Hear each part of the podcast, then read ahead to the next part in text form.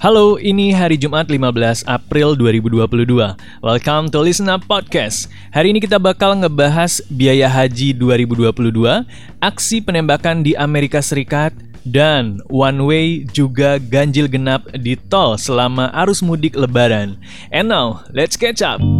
Berita pertama kita kali ini soal biaya haji. And FYI, pemerintah Arab udah kembali membuka gerbangnya untuk jemaah haji setelah 2 tahun ditutup rapat-rapat akibat pandemik COVID-19. Nggak cuma ibadah haji, tapi juga umroh ya. Komisi 8 DPR RI bersama Menteri Agama Yakut Khalil Kolmas baru aja mengesahkan BPIH atau Biaya Penyelenggaraan Ibadah Haji Reguler 2022. Berapa tuh biayanya? Untuk jamaah haji reguler sebesar 81 juta 747.844 rupiah. Jadi satu jamaah ongkosnya itu 81 juta 741.844 rupiah. Yang terdiri dari A. Biaya perjalanan ibadah haji atau biaya yang dibayar langsung oleh jamaah haji rata-rata jamaah sebesar 39 juta 886 ribu rupiah. Nah, tadi itu biayanya ya guys. Jadi untuk biaya penyelenggaraan haji reguler per jemaahnya itu 39 juta 886 ribu rupiah. Gampangnya mah 40 juta lah ya. Masih ada kembali 114 ribu. Kalau kamu ngerasa, loh kok mahal? Ya benar, biaya haji reguler tahun ini per jemaah lebih mahal dari biaya haji tahun 2020 kemarin yang nilainya 31,4 juta sampai 38,3 juta per jemaah. Jemaah haji yang berangkat di tahun 2022 ini merupakan calon jemaah haji yang pemberkatannya tertunda di tahun 2020 lalu gara-gara pandemi ya. Tapi, jemaah haji yang keberangkatannya tertunda itu nggak perlu bayar selisih harga antara BPIH tahun 2020 dan tahun 2022. Jadi, ya tinggal siap-siap berangkat aja. Meanwhile, Menag Yakut Holil Kaumas menjelaskan penetapan biaya haji ini menggunakan asumsi kuota tahun 2022 yang dijadikan dasar pembahasan BPIH sebanyak 110.500 jemaah atau 50% dari kuota haji tahun 2019.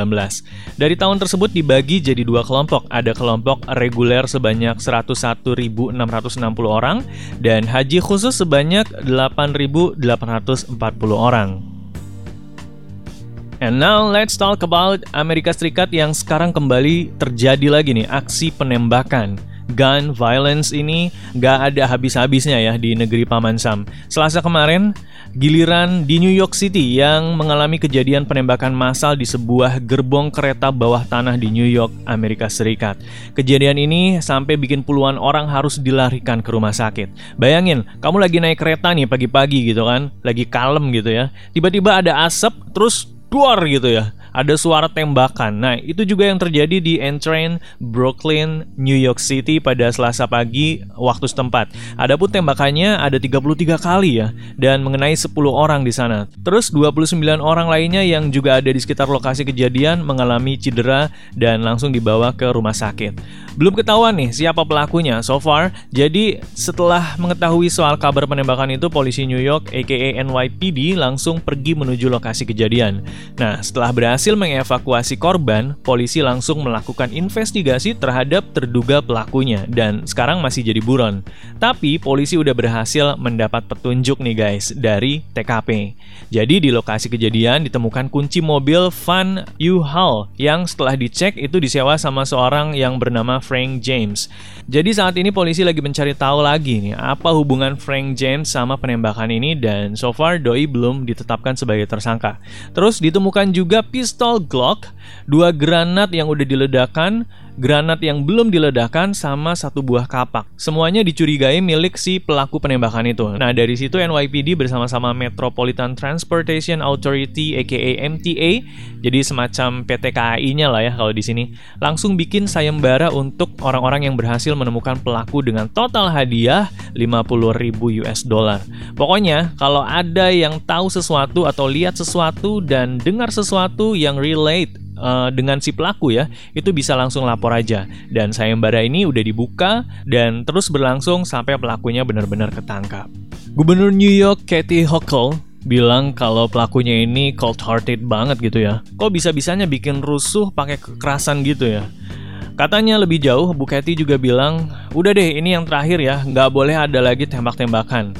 Nggak ada lagi ngancurin hidup orang. Bu Katy bilang, it has to end, it ends now.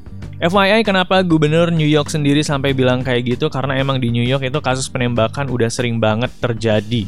Di 4 bulan pertama 2022 aja ini udah ada 296 kasus penembakan. Angka ini meningkat dari tahun lalu yang mencatat 260 kasus penembakan di periode waktu yang sama. Skalanya juga macam-macam, mulai dari penembakan massal atau yang korbannya belasan orang, bahkan sampai penembakan tunggal kayak yang terjadi kemarin sama seorang anak cewek yang 13 tahun itu ya.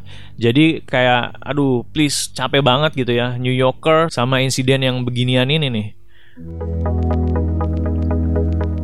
Now let's talk about mudik. Lebaran tahun ini, pemerintah udah bilang kalau boleh mudik ya, dengan sejumlah syarat. Syarat utamanya, of course, vaksinasi. Nah, buat kamu yang mau mudik Lebaran, apalagi uh, kalau pakai kendaraan pribadi, ada sejumlah info penting nih yang harus kamu tahu. Jadi, akan ada kebijakan satu arah atau one way dan ganjil genap di tol saat mudik Lebaran.